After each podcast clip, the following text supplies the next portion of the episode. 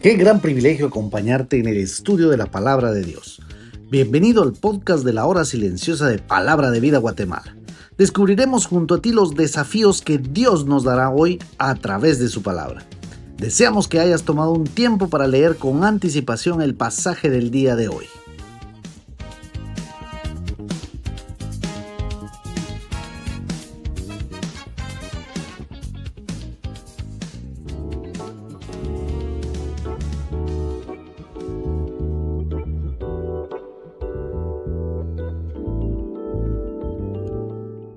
Muy buenos días, mi querido amigo, mi querido hermano, qué bueno que nos estás acompañando un día lunes, día lunes 11 de diciembre. Aquí, pues nosotros ya prácticamente en el Ministerio de Palabra de Vida, eh, al mismo tiempo estar compartiendo contigo este podcast, ya terminando, o prácticamente ya terminamos la temporada de campamentos, una bendición ver las vidas cambiadas que Dios nos permitió eh, ser testigos. Y en cuanto a ser testigos, vamos a justamente comentar eh, en ese mismo sentido el pasaje del día de hoy. Hoy estamos en Lucas capítulo 8 del versículo 26 al versículo 40. Te voy a leer el pasaje en la versión de la Biblia de las Américas. Dice así.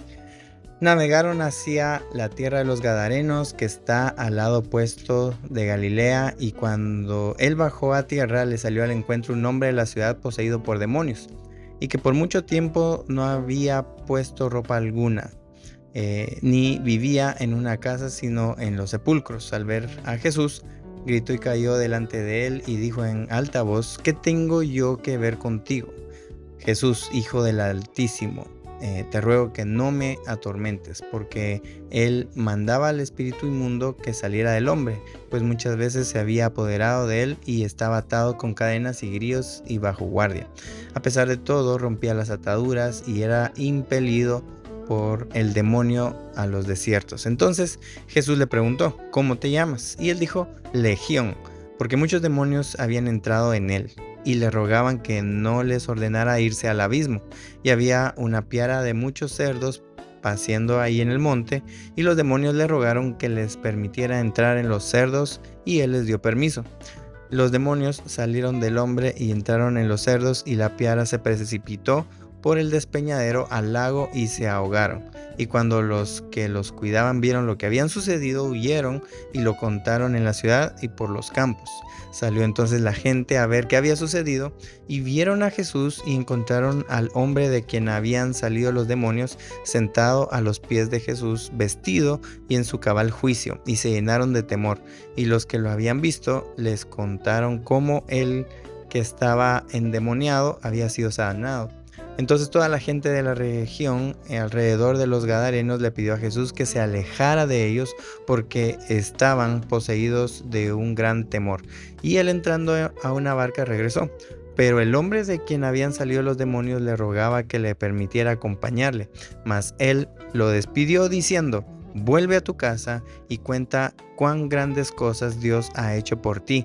Y él se fue proclamando por toda la ciudad cuán grandes cosas Jesús había hecho por él. Cuando Jesús volvió, la multitud le recibió con gozo porque todos le habían estado esperando.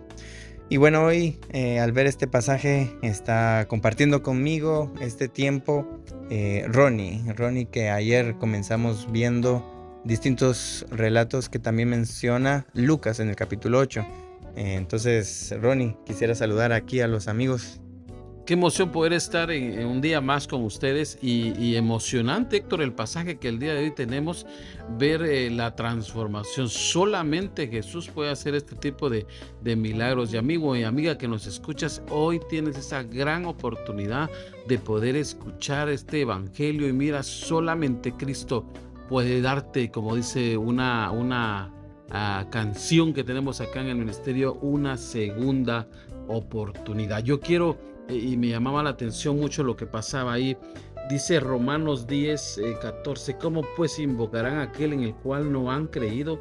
¿Y cómo creerán en aquel de quien no han oído? ¿Y cómo irán sin haber quien les predique? Mi amigo, mi hermano, eh, tú necesitas de Cristo posiblemente, pero esta es una gran historia y yo voy a dejar a Héctor ahí que lo siga comentando porque va a ser muy emocionante escuchar. ¿Sabes qué me llama la atención, Ronnie? Que este pasaje tiene que ver mucho con vidas cambiadas. Y ahorita se me venía a la mente, eh, ¿te recordás eh, la, el relato de las crónicas de Narnia?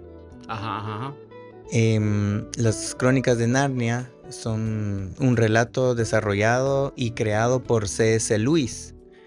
Y eh, hablando de vidas cambiadas, me llama la atención que C.S. Lewis, incluso acá en Wikipedia, habla de que él fue criado en una familia religiosa de la iglesia de Irlanda eh, la mayor parte de su juventud.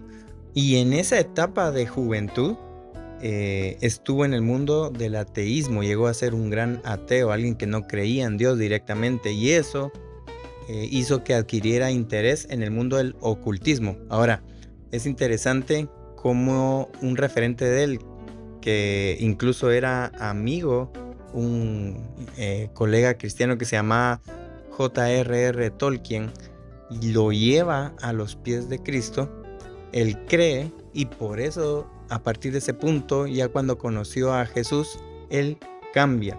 Entonces me llama la atención eso, cómo eh, Jesús, en los encuentros con Jesús, logran hacer que la persona sea una persona eh, distinta. Y es que en cuanto al pasaje del Gadareno está ese punto, el hecho de, cierto, cambió su vida eh, y Jesús no le permite que vaya con él, sino que le dice, vuelve a tu casa y cuenta cuán grandes cosas Dios ha hecho por ti. Y, el endemoniado, el ex endemoniado, de hecho, hizo una gran labor al punto que obedeció a Jesús, fue a hablarle a toda la región de Gadara.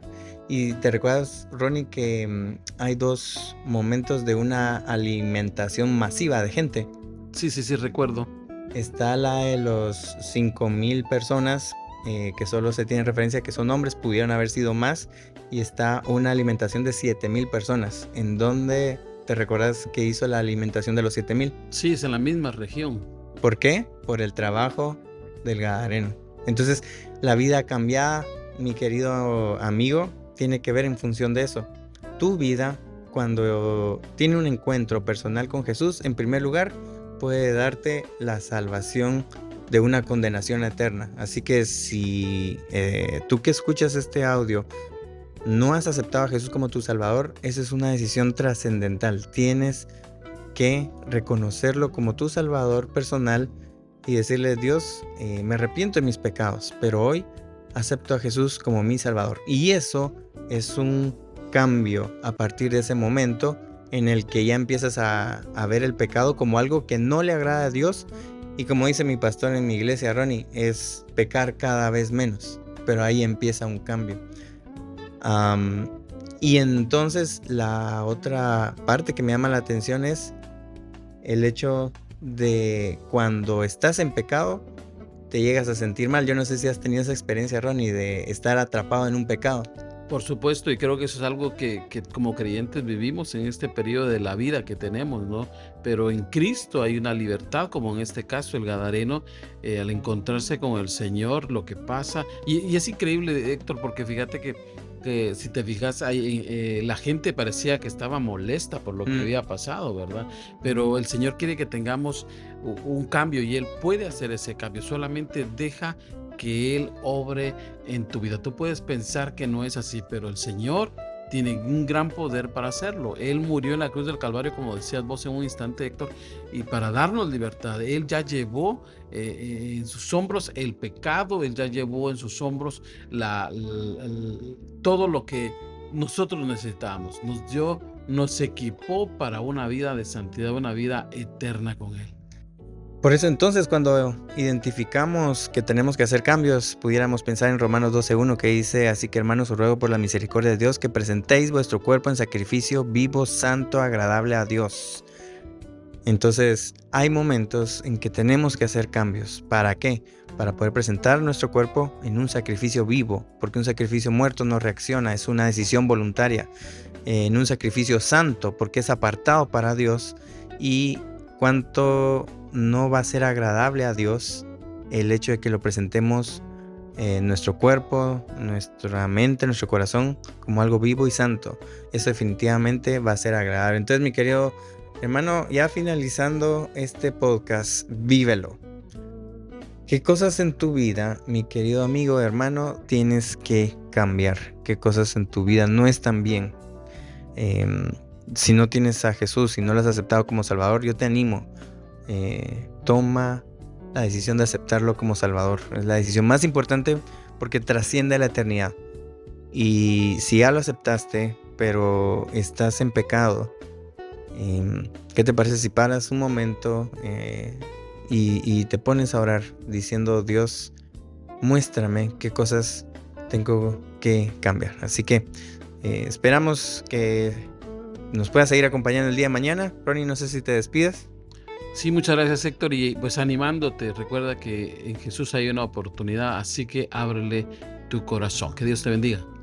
Bendiciones, nos vemos eh, la próxima semana.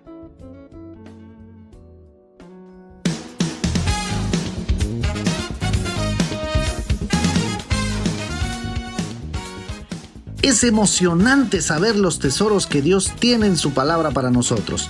Ayuda a tus amigos a que descubran la voluntad de Dios para su vida. Comparte este podcast con ellos. No olvides seguirnos en nuestras redes sociales.